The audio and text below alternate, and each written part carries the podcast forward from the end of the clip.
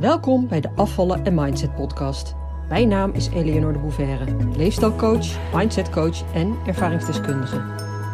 In deze podcast leer je hoe je kunt afvallen zonder dieet met behulp van de juiste mindset door je onderbewustzijn te beïnvloeden, waarmee je je ideale gewicht gaat bereiken en behouden.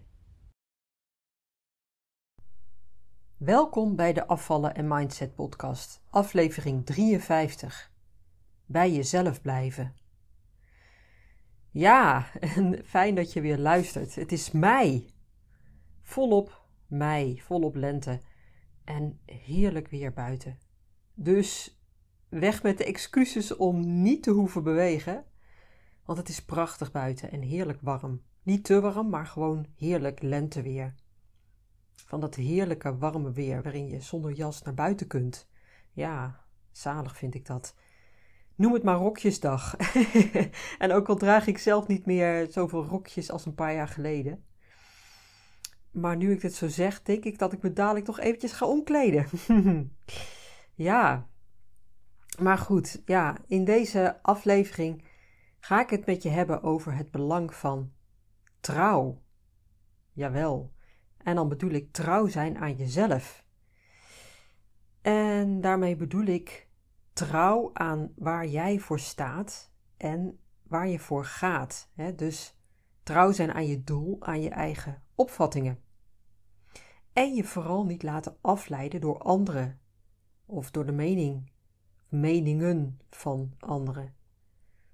En zelfs door de beste bedoelingen van anderen, die voor jou vaak helemaal niet helpend zijn. En ik ga zo uitleggen wat ik daar precies mee bedoel. Wat ik veel zie in mijn praktijk en ook in mijn groepen, is de onzekerheid waarmee mensen in mijn programma stappen. En niet alleen in mijn programma, het is groter dan dat natuurlijk. Hè. Mijn, uh, mijn programma, uh, vanuit het verlangen om slank te zijn en een fijne relatie met eten te hebben, dat programma is vaak maar een reflectie van een veel groter verlangen. En je zou dat kunnen omschrijven als het verlangen naar vervulling. Naar dingen bereiken waar je moeite voor gedaan hebt en uiteindelijk voor beloond wordt. En natuurlijk ook het verlangen om zelf aan het stuur te staan, om onafhankelijk te zijn en vrij te zijn.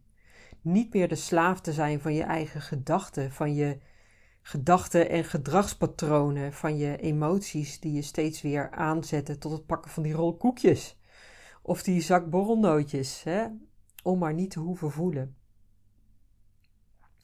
Juist omdat dat onvervulde verlangens zijn en er vaak al de nodige ja, pogingen gedaan zijn om die te bereiken, maakt dat onzeker. Kan ik het wel? Ben ik daar wel toe in staat? Is het wel voor mij weggelegd? Mag ik dat wel bereiken? Mag of kan ik daar überhaupt wel naar verlangen? Allemaal van dat soort vragen die natuurlijk voortkomen uit onderliggende overtuigingen. Van die hele basale menselijke overtuigingen, die trouwens de meeste mensen bij zich dragen. Ook en zelfs hele zelfverzekerde mensen. En hele succesvolle mensen. Juist die mensen, want die zijn vaak extreem goed in uh, het wegpoetsen van die onzekerheid. door bijvoorbeeld heel hard te gaan werken. Of door zich een bepaalde rol aan te meten. Door zich op een bepaalde manier te gedragen, waardoor ze overkomen alsof ze super zelfverzekerd zijn. En daarmee ook respect afdwingen. En dat is allemaal ego. Waarmee ik niet wil zeggen dat dat per se verkeerd is, hè? begrijp me niet verkeerd. Maar om het even in perspectief te plaatsen. Ik ontmoette afgelopen week tijdens een training, uh, een training die ik zelf volgde, ontmoette ik een vrouw die zelf als trainer werkt en aanvankelijk heel sociaal en zelfverzekerd overkwam. Maar tijdens een oefening die we samen deden, kwam er gigantisch veel shit naar boven. En dat was de onzekerheid en de faalangst die ze haar hele leven al met zich meedroeg. En die ze supergoed wist te verbloemen. Ook al kostte dat haar ook heel veel energie. En kon ze dus ook nooit volledig zichzelf zijn. Nou, dat dus. ja, vergis je niet. Ook hele zelfverzekerde mensen kunnen heel erg onzeker zijn en ja, van die uh, beperkende, uh, van die onderliggende beperkende overtuigingen hebben. En die onzekerheid, die negatieve imprints, als het ware, waarmee mensen zichzelf zo klein houden, dat is iets wat we dus allemaal kennen en waar we allemaal wel in meer of mindere mate last van hebben. En zeker als het gaat om iets dat we zo graag willen, maar wat maar niet lukt om dat te bereiken, hè, dingen die onbereikbaar lijken, die kunnen je heel erg onzeker maken. En wat ik dan zie, of vaak ook hoor van mijn klanten, is dat hun omgeving daar vaak helemaal niet steunend in is. Terwijl ze dat misschien wel willen zijn, maar toch zijn ze het vaak niet. Of ze denken dat ze het wel zijn, maar hun steun, of hè, vaak in de vorm van opmerkingen, die pakken juist averechts uit. Waardoor de persoon in kwestie, hè, die klant van mij dus, zich klein laat houden. En ik zeg ook expres klein laat houden.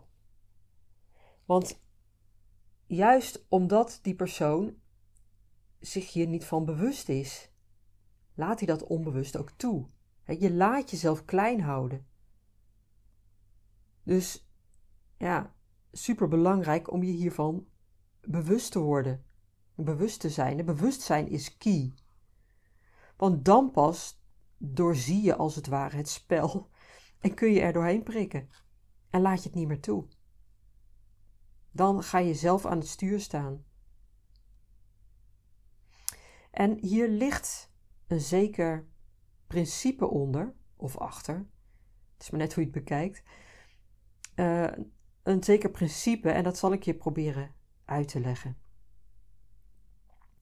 Als mens kijk je naar de wereld, naar de werkelijkheid, door je eigen bril.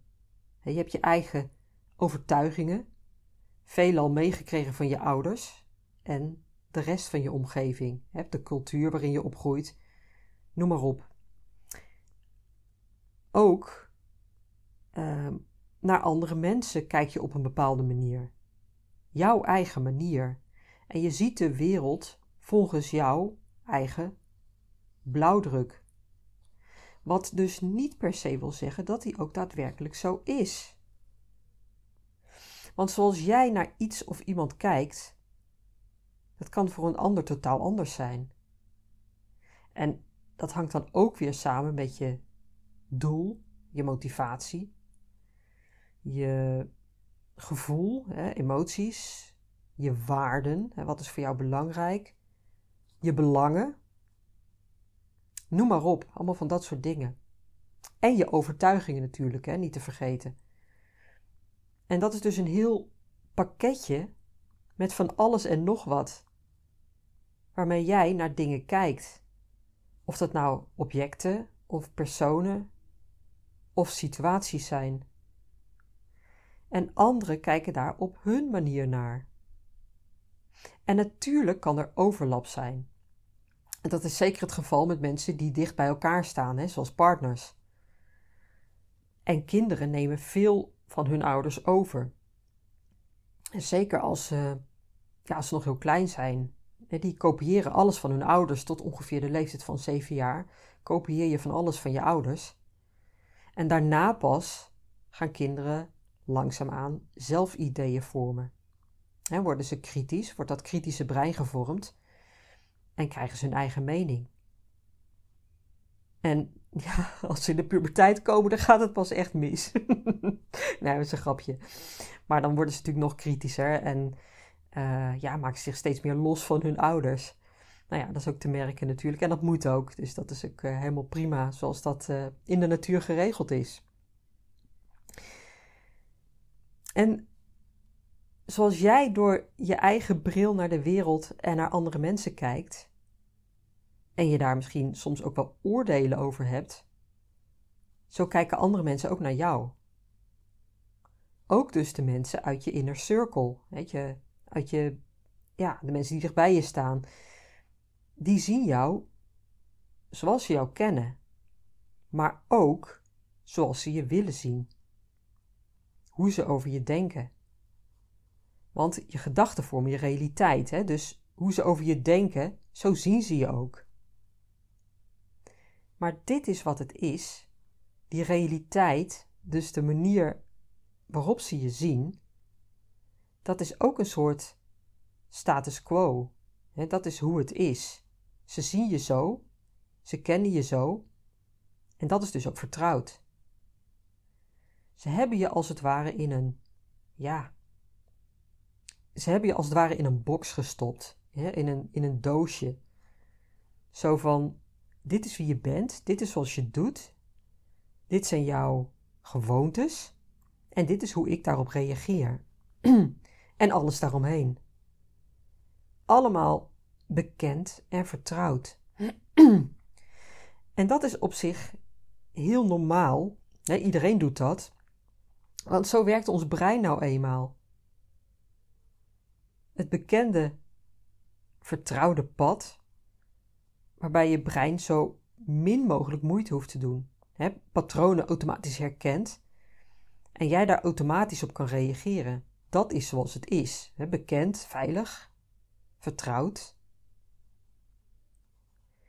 Maar wat als er dan iets verandert? Dan komt er een kink in de kabel. Dan klopt dat patroon niet meer. En dan is de inhoud van die box, van die van het doosje niet meer wat hij is. En dan moet die persoon daar dus iets mee. En dit is dus het geval als iemand gaat veranderen. een kleine verandering, iets kleins, maar zeker bij iets groters.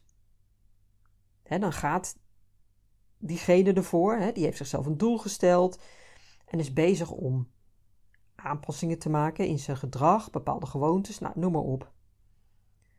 En nou, laten we voor het gemak, even zijn, dit is niet voor niets de afvallen en mindset podcast, laten we het voor het gemak bij afvallen houden.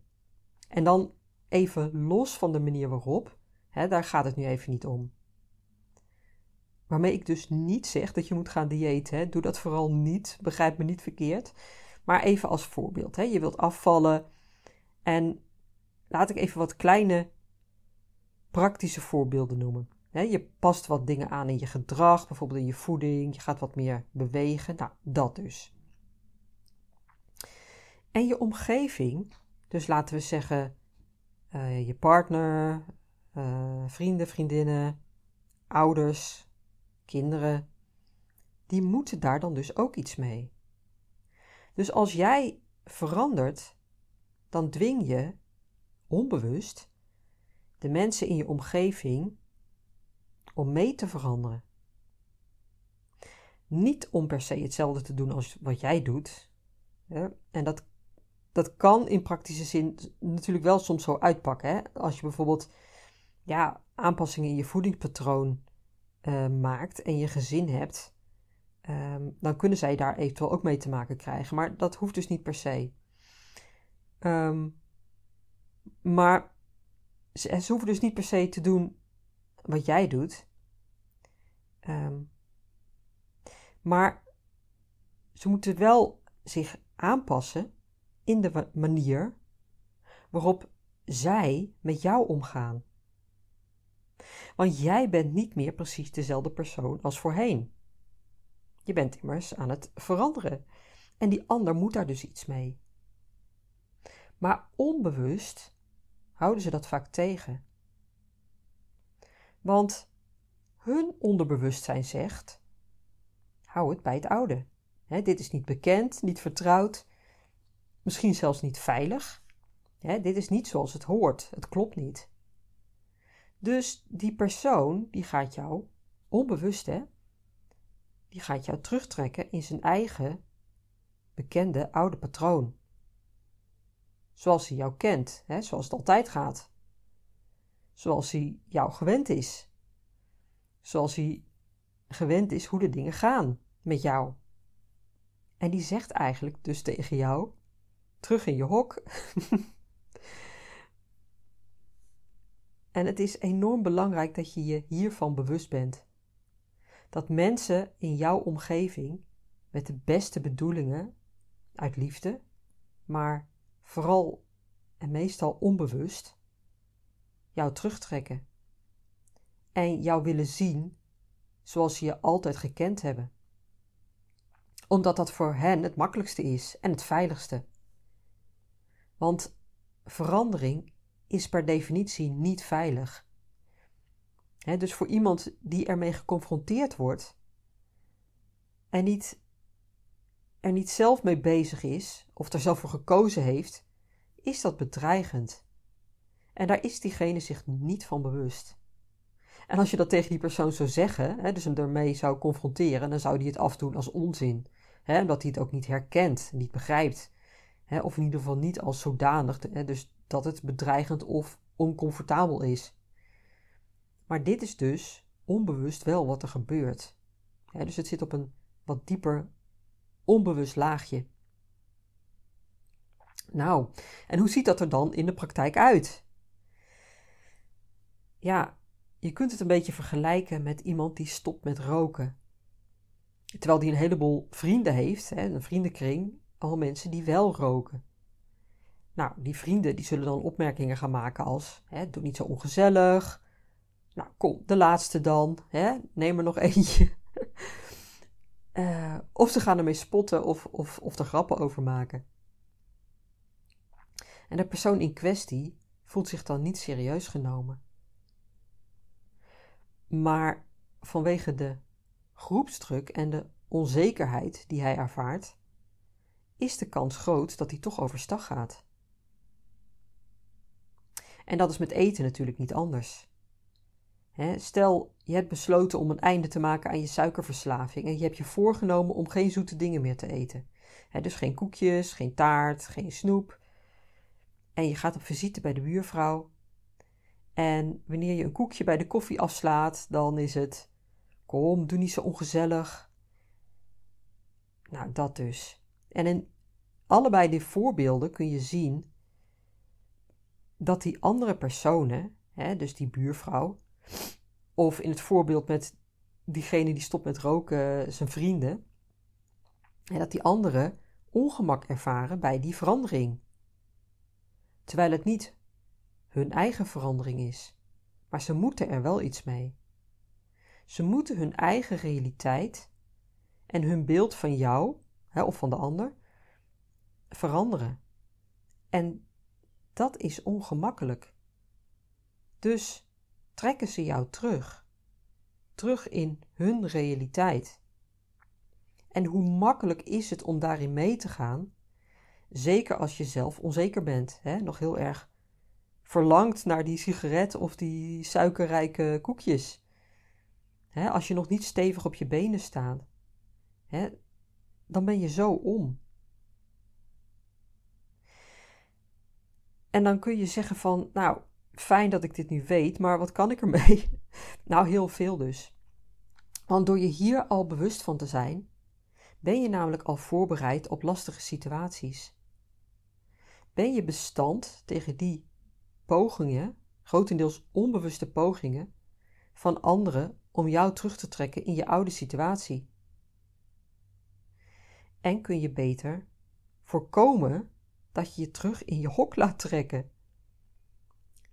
Sta je steviger, omdat je die ander doorziet, hè, zonder daar een oordeel over te hoeven hebben. Want je weet dat die ander dat doet met de beste bedoelingen en zich daar ook niet van bewust is. Dus ga het vooral ook niet benoemen. Hè, of in ieder geval niet zo ja, tussen neus en lippen door. Want dat werkt alleen maar averechts. Daarmee krijg je reacties van onbegrip of boosheid en wakker je misschien zelfs alleen maar ruzie aan. Dus ja, niet doen. nou. Nou, dat was hem voor vandaag of voor deze week. En ik heb nog een vraagje aan jou. Als je deze podcast waardeert, zou je me dan een review willen geven? Dus een beoordeling willen geven uh, via de sterren bovenin. In Spotify is dat in ieder geval bovenin via de sterren. Um, en als je andere mensen kent voor wie mijn podcast interessant zou kunnen zijn, dan deel hem alsjeblieft met ze. Daar help je mij mee, maar ook anderen. Omdat de podcast dan makkelijker gevonden wordt door anderen. En wat betreft die, die review, die beoordeling, ik weet dat het in ieder geval in Spotify kan. Ehm, ook volgens mij in Google een podcast. Uh, en dat is dan volgens mij helemaal onderaan. Nou moet je even kijken. Het is allemaal heel makkelijk, maar um, nou ja, kijk eventjes. Als je dat voor me zou willen doen, heel graag. Um, en dan wil ik je nog even wijzen op mijn masterclass, een gratis masterclass op 16 mei. S'avonds om half acht geef ik weer een gratis masterclass. En als je deze podcast later luistert, dan geef ik ongetwijfeld weer uh, andere masterclasses op andere data. Dus uh, check dan gewoon even de website www.afvallenzonderdieet.nu. En begin juni start mijn online groepsprogramma. En dat is op een dinsdagavond. Dat zijn tien dinsdagavonden om half acht avonds. Dus als je daarbij wil zijn, kijk even op mijn website afvallenzonderdieet.nu uh, onder het kopje werk met mij. Oké, nou, tot volgende week. Doeg! Leuk dat je luisterde naar de Afvallen en Mindset podcast. Ik wil je heel graag blijven inspireren. Als je je abonneert op deze podcast, ontvang je automatisch een berichtje als er een nieuwe aflevering verschijnt. Ik heb ook een gratis e-book. Dat vind je op www.afvallenzonderdieet.nu. Daar vind je trouwens ook mijn inspirerende blogs, die je automatisch in je mailbox kunt ontvangen. En tot slot, volg mij op Facebook en Instagram. Wil je meer weten over mijn programma Afvallen zonder dieet? Ga naar www.afvallenzonderdieet.nu.